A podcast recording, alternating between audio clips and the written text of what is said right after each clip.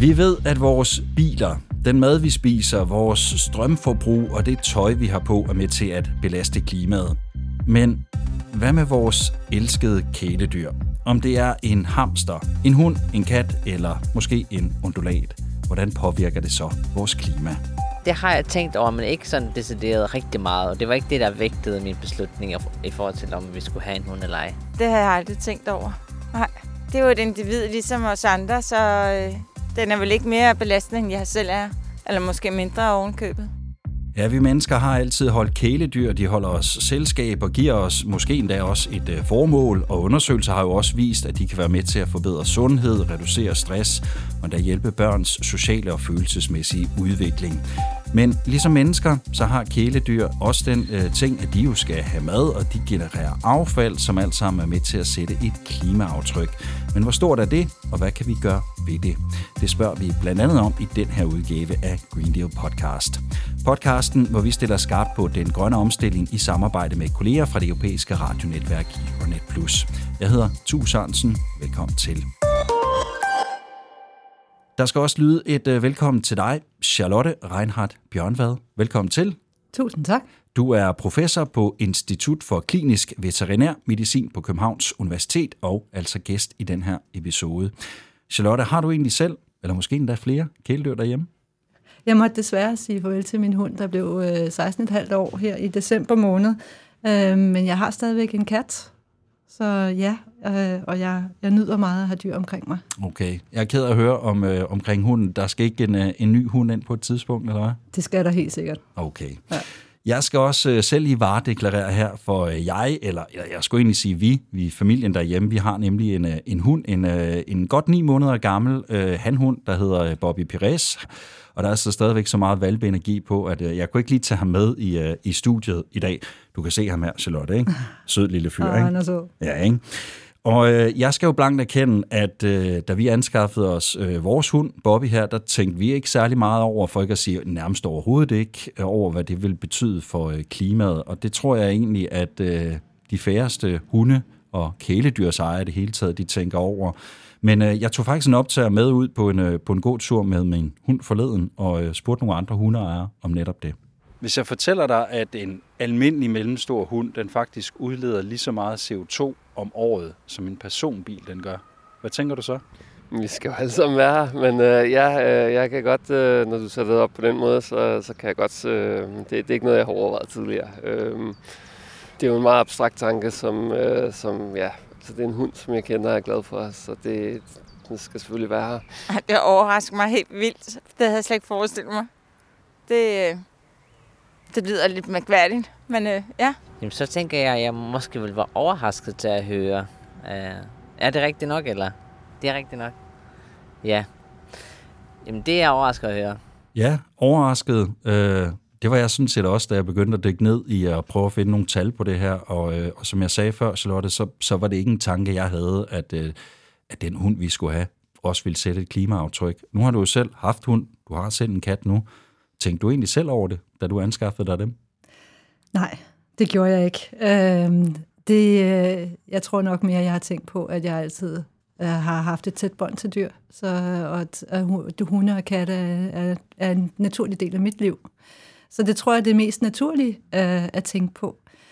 Øh, med, den, med, med de ændringer, vi ser nu i den globale opvarmning, så er det jo helt klart noget, vi bliver nødt til at have fokus på, og vi bliver nødt til at kigge på, hvordan kan vi også som kæledyrsejere, familiedyrsejere, hvordan kan vi bidrage til den grønne omstilling.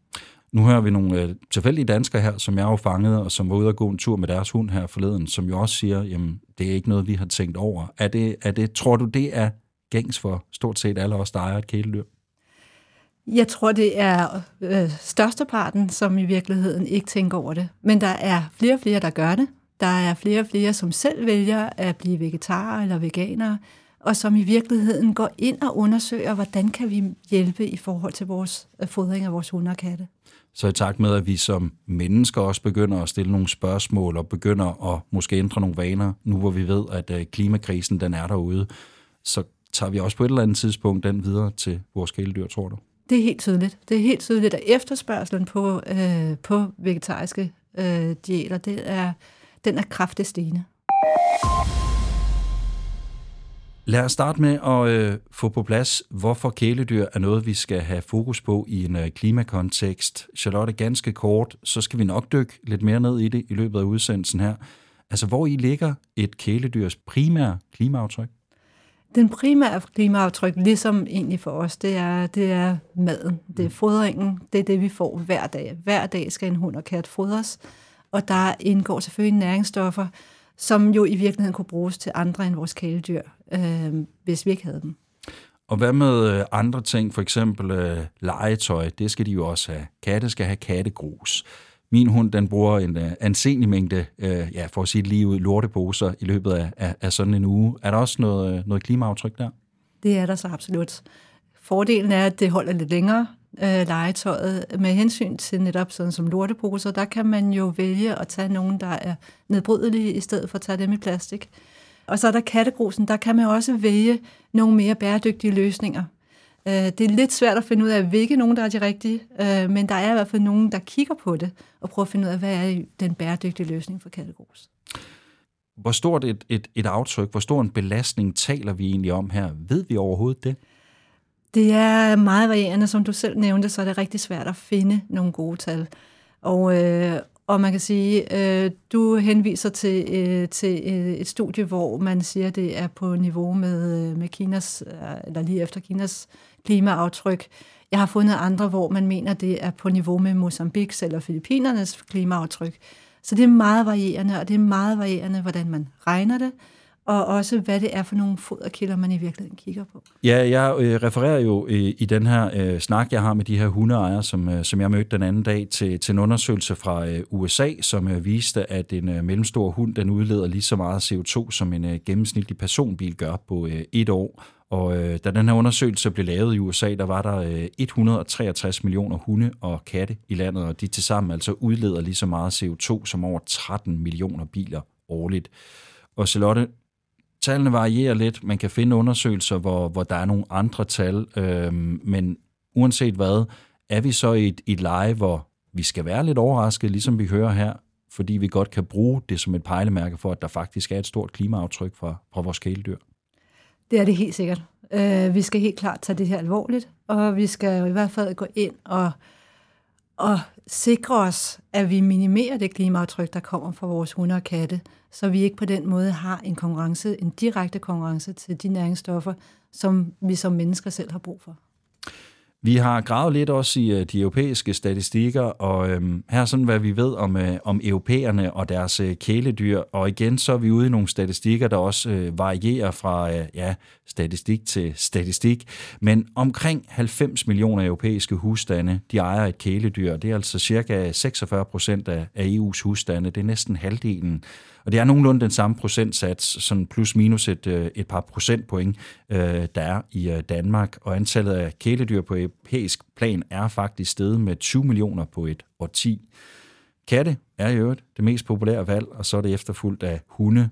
Og men det faktisk i Danmark er omvendt. Der er hunde det mest øh, populære kæledyrsvalg. Øh, og du nævner det her med, vi skal måske passe på med, at øh, der ikke kommer så mange kæledyr, at de kommer til at konkurrere med os mennesker i, i forhold til, til, ja, i virkeligheden ressourcer, det er jo det, du siger. Øhm, betyder mængden af kæledyr noget for klimaet? Og hvad? Altså, der er jo flere parametre, der betyder noget for klimaet, når vi snakker kæledyr. Øh, der er både øh, mængden af kæledyr, man kan sige, der er størrelsen af kæledyr. Øh, har man en lille hund, som du har, øh, så, så spiser den jo ikke helt så meget, som en Grand Noir gør. Øh, så er der typen af kæledyr. Hvis vi har en kat, som jo netop er den, der har behov for større mængder proteiner, så er den mere hvad kan sige, klimaskadelig i forhold til en lille hund. Øh, og hvis vi kigger på, hvad er det mest bæredygtige af kæledyr, så så er vi over i kaninerne, marsvinene, de, altså vegetar, vegetarerne blandt vores kæledyr. Så i virkeligheden så er det måske bedre at kigge på typen af kæledyr, end nødvendigvis på antallet, eller hvad? Man kan sige, at hunde og katte er dem, der er flest af. Så, så der bliver vi jo nødt til at kigge på antal. Øh, og kigge på netop i virkeligheden, hvor meget, hvor meget foder skal der produceres til de her dyr. Milano, Zagreb, Tallinn, Bruxelles, Sofia, Riga, Madrid, Bruxelles, Sofia, Riga, Madrid. Og øh, apropos foder, så lad os øh, tale lidt om det nu, øh, Charlotte, fordi det er jo det, der sådan bonger ud i det store klimaregnskab, når det kommer til øh, kæledyrene. Og jeg ved, at øh, du mener, at der er måske også for mange myter og lidt for meget misinformation om kæledyrsfoder derude. Øh, hvad er sådan det hyppigste, øh, du hører, øh, som øh, du mener er forkert? Der findes mange forskellige myter øh, omkring hundefodring. At der er mange følelser i hundefodring. Øh, det at fodre sin hund og sin kat, det øh, det er der, hvor man også bonder, hvor man skaber kontakt med sit dyr, og det vil man gerne have en god oplevelse med. Så er der øh, mange penge i foderproduktionen, så der er øh, et stort ønske om at markedsføre produkter, få dem solgt, få dem øh, promoveret, og der er der desværre nogle firmaer, som har en tendens til så at bruge de her myter på en uheldig måde. Og, og når du siger, at der er mange følelser involveret, altså hvad, hvad, hvad er det så, du ser, det, det ligesom udmyndiger sig i? Altså det, at vi, altså, vi føler, at vores for eksempel hund, den kan bedst lide en bestemt type foder, og så er det det, vi giver dem, og så er vi sådan set lidt faktaresistente derfra, eller hvad? Ja. Jeg tror i virkeligheden, det vi gerne vil med vores, for vores hunde og katte, vi vil gerne sørge for, at de har et langt, sundt liv. Så vi vil gerne gøre det allerbedste for dem. Vi køber øh, fiskeolier, vi køber alle mulige ekstra produkter for at hele tiden understøtte, at de er så sunde øh, og raske som overhovedet muligt, fordi de er vores familiemedlemmer. Og øh, når vi så skal ud og købe foder, så er vi også meget let på virkelige i forhold til, hvad der er det sunde valg for vores hunde. Og der er det lige pludselig, at markedsføringen kan have ret stor betydning, fordi der er nogle historier, der bare giver rigtig god mening, hvis man ikke dykker længere ned i dem. En af de myter, når vi snakker bæredygtighed, det er det her med, at vi snakker om, at hunde og katte skal kun have kød. Hunde og katte skal kun have kød, fordi øh, hunden den kommer fra ulven, og ulven leder kun af kød. Det man måske glemmer er, at ulven havde ikke så mange valg. Øh, den kunne ikke varme sine, sin mad over ilden, så den kunne ikke gøre så, så den kunne ikke gøre stivelse tilgængelig for sig selv. Den kunne ikke fordøje stivelse, som det er lige nu. Det er kun planteder, der kan det. Øhm, og man glemmer måske også, at ulven blev ikke 16 år. Ulven blev måske 5-6 år.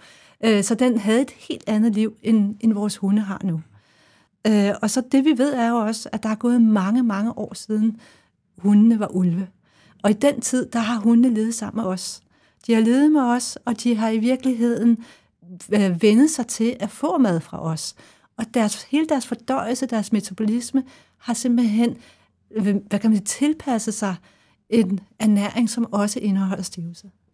Ja, og som du nævner, så øh, hvis vi sådan skal kigge på et af problemerne med, med foder til kæledyr, især når det kommer til, til de populære hunde og katte, det er jo det her med, at mange af dem spiser øh, kød.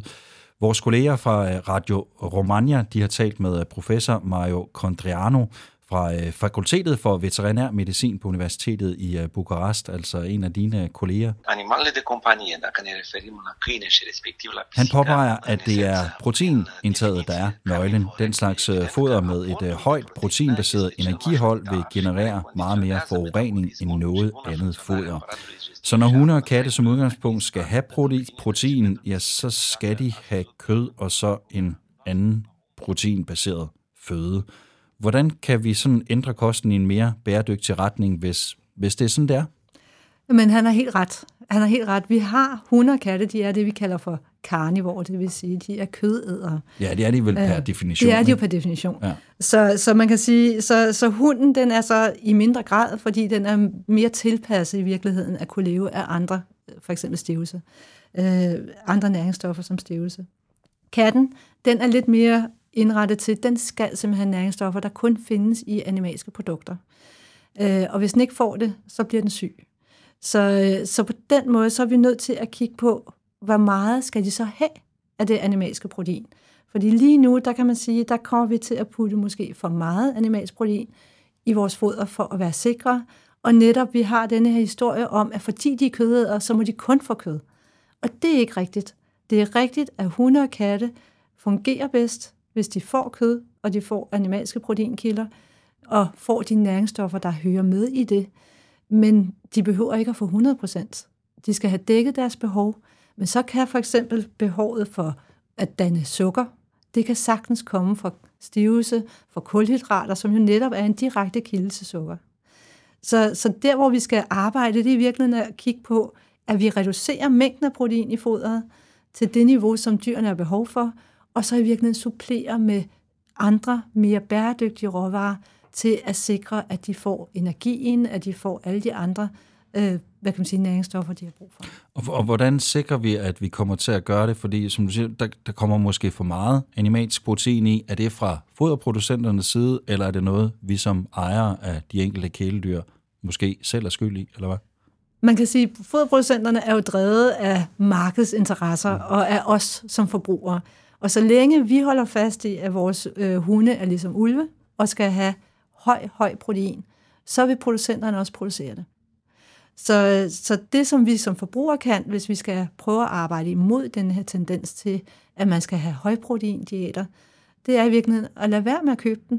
Det er at vælge de produkter, hvor der er et moderat indhold af proteiner, og i virkeligheden begynde at selektere vores fodervalg til vores dyr, baseret på bæredygtighed i stedet for på det her højprotein.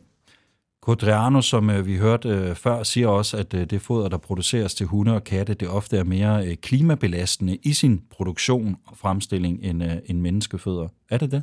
Det, det er svært at sige, øh, og, jeg, og det er jeg ikke ekspert på. Der er, jeg oplever, at den i virkeligheden er meget balanceret. Hvis vi fodrer med det rigtige foder, så har vi jo mulighed for at kontrollere det på en helt anden måde, end vi måske har med det, vi selv spiser. Problemet er, hvis man går ind og laver hjemmelavet mad, at så vil man jo gå ind og købe råvarerne i supermarkederne, som er til menneskemad. Så det vil sige, at man vil komme til at købe øh, kyllingebryst, man vil komme til at købe nogle af de produkter, som i virkeligheden er det, som vi som mennesker spiser. I hunde- og kattemad, der bruger man meget biprodukter, som man bruger i virkeligheden med et måske ikke så pænt ord, slagteaffald, men man bruger de ting, vi ikke kan lide. Man bruger nyrerne, man bruger hjertet, man bruger lungerne, så man bruger simpelthen de proteinholdige dele af dyret, som er rigtig gode næringsværdier, men som vi ikke gider at spise. Og så er det jo virkelig lige pludselig, og så bliver det måske mere bæredygtigt, at man bruger det i produktionen af, af tørfoder til hunden. Og det er heller ingen vej at gå og øh, tage det, øh, der er til overs fra aftensmaden, og måske øh, lige tage alligevel nogle ting, som man øh, har stående i køleskabet, og alligevel ikke vil få brugt til familien derhjemme. Det kan man godt. Øh, jeg, jeg er ikke sikker på, at man har nok rester til, at man kan dække dyrets behov på det. Øh, og så er der lige den der udfordring med, hvor meget skal den så have af de forskellige dele, der kan være svært. Vores øh, kolleger fra Sinjo Radjas i uh, Litauen, de har talt med uh, Ugne Netsinkaite, der er juniorprofessor i, i dyrernæring ved det Litauiske Universitet for Sundhedsvidenskab. Hun mener ikke, at naturlige kødæder skal fodres med en vegetarisk kost, men siger, at uh, der findes grønne alternativer til traditionelt kød, Insekter for eksempel er en mulighed, og så faktisk siger hun, at uh, insektbaseret foder til kæledyr, det kan være en innovation, som uh, hun håber på vil tage fart. Er det en, er det en vej at tænke i insektbaseret foder til, til hunde og katte for eksempel fremadrettet? Det er det absolut. Det er helt klart en af de veje, vi skal gå. Øhm, der er allerede produkter på markedet, og øh, der er også studier, der viser, at de rent næringsmæssigt er rigtig gode alternativer til animalsk protein. Så, så, så i virkeligheden findes der jo mange forskellige initiativer i øjeblikket, som er utrolig spændende i forhold til alternative proteinkilder. Øh, det vi lige mangler, det er måske øh, for mange af de her at finde ud af, hvordan, øh, hvordan inddrager vi det, og hvordan skal vi bruge det i hundefoderproduktionen. Insekterne er ret godt belyst, og der er rigtig gode produkter på markedet, så det er helt klart en af de valg, man kan vælge. Det, det er simpelthen at bruge insekter, fordi de er, jeg mener, det er 14 gange mindre klimabelastende end, øh, end de animalske proteinkilder, afhængig af, hvad det er for en proteinkilde. Men bare lige for at få det skåret ud i pap, Charlotte, altså vegetarisk foder, altså insektbaseret, øh, plantebaseret foder, udelukkende, for eksempel til en hund, vil det kunne lade sig gøre? Insektbaseret foder er helt klart en mulighed, og det er også det, man allerede gør. Det er ikke... Og vil du så kunne droppe alt animalske proteiner, kød og så videre? Ofte vil der være en lille smule animalsk protein i nogle af de her produkter. Okay. Det er lidt forskelligt. Så, så nogle gange vil der være for at sikre, næring, at de får de rette næringsstoffer, at der så er noget, en lille smule øh, hydrolyseret øh, animalsk protein. Ofte fra kylling, og hvor kylling jo også er en af dem, der er mindre klimabelastende end, end kvæg eller lam. Men vegetarisk der vil jeg sige, der har vi lidt en udfordring, og det er simpelthen, at øh, vi ved for lidt, øh, og, øh, og vi ved for lidt om, hvordan vi skal lave et vegetarisk produkt. Så der er produkter på markedet, øh, og det er i kæmpe udvikling. Lige nu er det bare sådan, så vi ikke helt ved, om vi får dækket dyrenes behov, så de kan leve 10-15 år på det produkt. Om de på et tidspunkt vil udvikle nogle problemer som følge af den her diæt, det ved vi simpelthen ikke. Vi bliver dygtigere, vi lærer mere, og på et tidspunkt, så tror jeg helt sikkert, at vi kan gå ind og anbefale også vegetariske produkter, men lige nu ved vi ikke helt nok. Okay. Da jeg var øh, på tur forleden dag med øh, min hund Bobby, der øh, mødte jeg jo som sagt en øh, del andre hundeejere, og øh, jeg spurgte også øh, dem om, øh, om de tænker over, hvad de giver deres øh, hunde at øh, spise, og om de har øh, tænkt i alternativer til, øh, til det foder, de bruger i dag. Vi, vi, vi går ret meget efter noget tørfoder, og hun får også vådkost, fordi ellers bliver hun... Øh, men, men hun spiser også øh, kun noget særligt slags, og det, det, er ikke, øh, det er ikke billigt, og jeg er ret sikker på, at det er økologisk. Øh. Allerhøjeste grad. Jeg vil bare ønske, og jeg har virkelig undersøgt det, fordi jeg synes, det er sørgeligt, at den ikke kan få noget økologisk kød. At den skal have kød fra dyr, som har haft det dårligt. Det ærger mig helt vildt. Men man kan ikke få noget, der er økologisk. Til, jo, til katte, men ikke øh, til hunden. Og så har han en sart mave, så, øh, så det er også kun noget bestemt foder, jeg kan bruge, som dyrlægen anbefaler. Ja, altså jeg, jeg fodrer vores hund med, øh, med danskproducerede varer som, som er produceret, og det er også god kvalitet. Så det tænker vi over, ja. Så er det igen, måske er det ikke, klimaet er ikke det, det er ligesom det primære, men det, at det ikke skal fragtes, frag, fragtes øh, super langt, det, det er vel også noget, ikke? Og så støtter man også lokalt. Hvad siger du til det, du hører her? Jeg synes, det er nogle rigtig gode overvejelser, de, de har. Fordi det er jo netop mange ting. En ting er, når vi snakker proteinkilde, øh, at der kan man kigge på netop vil man fodre med insekter, men ellers så måske kigge på, jamen kylling er måske en mere bæredygtig proteinkilde, så, så det, der vil man kunne vælge kylling versus oksekød eller, eller svinekød.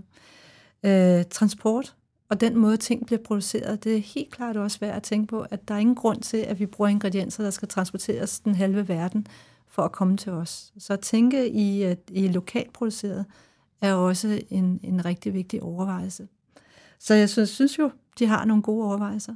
Ja, jeg øh, har også taget en, øh, en, øh, en tom øh, pose med øh, hundefoder. Det er det øh, hundefoder, som, øh, som min hund Bobby den får. Det er jo sådan en, en ganske almindelig pose foder til en, øh, til en øh, næsten voksen øh, mindre hund, som man kan købe i, øh, i en af de mere, mere gængse øh, supermarkedkæder herhjemme. Nu sidder du allerede og studerer den, Charlotte. Er det et øh, godt eller et skidt valg, øh, vi har gjort os derhjemme? Jamen, det er et fint valg. Øh, hvis vi kigger på bæredygtigheden, så kan man sige, øh, det, der, der skal vi måske over i lidt et paradigmeskifte, øh, eller i hvert fald at tænke lidt anderledes. Jeg tror, at der er sådan, de fleste kender til sådan en tommelfingerregel, der hedder, at hvis den første ingrediens i, i ingredienslisten er animalsk protein, så er det et, et, et, en god diæt. Mm. Så er det en diæt, som har netop øh, meget protein fra, fra en animalsk kilde. Og her har den så kylling, hvilket så altid er, er, er fint, at det er kylling og ikke en øh, oksekød. Øh, og så derefter kommer der noget majs, og der kommer noget korn. Og der kan man sige, at der er faktisk fine produkter på markedet, hvor der står majs først, øh, og så kommer kyllingen bagefter. Og det kan man måske overveje, om man, øh, de, er, de er lige så gode næringsmæssigt, så at man måske begynder at tænke over i bæredygtighedshensyn, at man ikke vælger den med, den med proteinkilden forrest, men måske overvejer, om man skal tage en med en kulhydratkilde forrest. Det er noteret. Ja.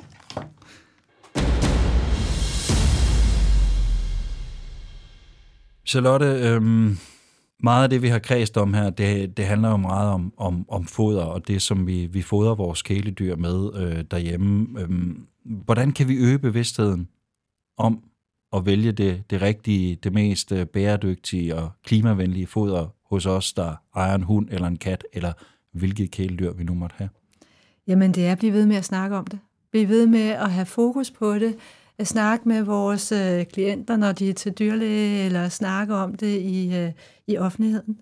Så, så at, at have det som en overvejelse, og, øh, og så er man som ejer opsøger den viden, der er, øh, og den kan godt være svær. Nu tænker jeg, at den her podcast kan være et skridt på vejen til, at, at vi har den her fokus. Og så har vi jo nok også brug for mere viden, flere studier, blandt andet til at finde ud af, kan vi fodre vegetarisk til hunde og katte? Øhm, så det er jo det er jo nogle af de ting, vi er nødt til at arbejde med, og der kan man sige, at en udfordring er, at, at det er svært at finde midler til at forske i hunde og katte. Så, så, så der har vi nok brug for lidt hjælp fra, fra andre steder. Vi snakker jo tit om, at øh, klimakrisen er jo ikke en, vi kan løse hverken øh, menig mand eller kvinde, eller i et enkelt land for så vidt. Det er noget, som vi skal gøre i fællesskab på, på, på tværs af, af, af landegrænser osv. Øh, og EU går jo meget i bræschen for at, at komme med alle mulige øh, bud på løsninger, initiativer osv. i forhold til, til klimakrisen. Er der noget at hente sådan på EU-plan i forhold til, at vi også bliver klogere på kæledyr og, og den påvirkning, de har på klimaet, herunder også øh, den foder, der, der, der skal spises? Jamen, EU kan jo gøre rigtig meget, for EU kan lave noget lovgivning omkring både varedeklarering, og der er jo et stort, stort øh, projekt i gang på EU-niveau, øh, hvor man arbejder med at lave gennemskuelige klimaregnskaber og ensartede klimaregnskaber. Fordi lige nu er der altså netop firmaer, som går ud og siger, at de er bæredygtige, selvom de i virkeligheden bruger øh, rigtig meget protein i, i deres diæter, og måske får proteinkilderne meget langvejs fra. Så, så hvis vi kunne lave nogle ensartede regler for, hvornår må man deklarere sig som bæredygtig, så ville det være en god start. Øh, og jeg ved, at øh, denne her, der findes en sammenslutning for øh, pet food producerende øh, firmaer, og de øh, bakker op omkring det her initiativ og er i gang med at implementere øh, muligheder for, hvordan man kan lave sådan nogle regnskaber inden for øh, hunde- og kattefoderproduktion. Så det, sådan ting skal vi have med. Skal vi så have lovgivning, der siger, hvor meget protein må der være i hundefoder, eller hvilke proteinkilder må der være i hunde- og kattefoder? Det håber jeg ikke. Charlotte, et er jo så nogle regler, og hvad du kan pådutte øh, foderproducent virksomheder at gøre, men de skal vel også have noget hjælp, de skal vel også have noget vejledning i, hvordan de så gør og kommer derhen og måske omstiller hele deres produktion. Helt klart. Og det er faktisk det, som det her initiativ det drejer sig om. Det er i virkeligheden at kortlægge produktionen fra, hvad kan man sige, de kalder det fra cradle til grav. Så det er i virkeligheden fra start af produktion, hvor man har dyrene øh, eller produkterne, kornet ude på marken, og til man skal af med det igen. Så der er man lige nu ved at kortlægge, hvad er det, der hvad kan man sige, har klimabelastning, hvad, der, hvad har mest klimabelastning, og når vi har den kortlægning, så kan vi begynde at lave vejledninger. Så kan vi begynde at lave vejledning til, hvordan laver man et bæredygtigt foder? Hvad er det for nogle, øh, hvad er det for nogle produkter, man skal inkludere? Hvad er det for nogle processer, man skal bruge? Hvad er det for nogle øh, lokale ingredienser, man kan bruge? Og så på den måde, så kan man hjælpe producenterne til at blive klimabæredygtige, eller blive bæredygtige. Øh, jeg, jeg håber, vi kan nå til de her løsninger, inden det sker. Og allermest håber jeg, at vi når nogle løsninger, inden det bliver forbudt at have hunde og katte. For det er vel den sidste, hvis vi begynder at have dem som en konkurrent til os selv, så må vi jo ikke have dem, eller også må vi kun have x antal, eller en, en 5 kilos hund eller et eller andet, så kan der jo komme nogle regler, der bliver så stramme på et tidspunkt. Vi øh, lukker ned her og sætter et øh, punktum. Du skal have tusind tak for at være med, Charlotte Reinhardt Bjørnvad. Tak for det. Det var så let. Professor i øh, intern medicin for familiedyr. Nu får du den hele med. Det gjorde jeg nemlig ikke i begyndelsen. Og så er du også øh, specialist i komparativ ernæring på øh, Institut for Klinisk Veterinær Medicin på øh, Københavns Universitet. Green Deal Podcast er produceret af Pod People for Euronet Plus. Marnie Donsel er redaktør. Nikolaj Svinge har tilrettelagt. Det har han gjort i samarbejde med undertegnet. Mit navn er Tue Sørensen. Mange tak, fordi du lyttede med.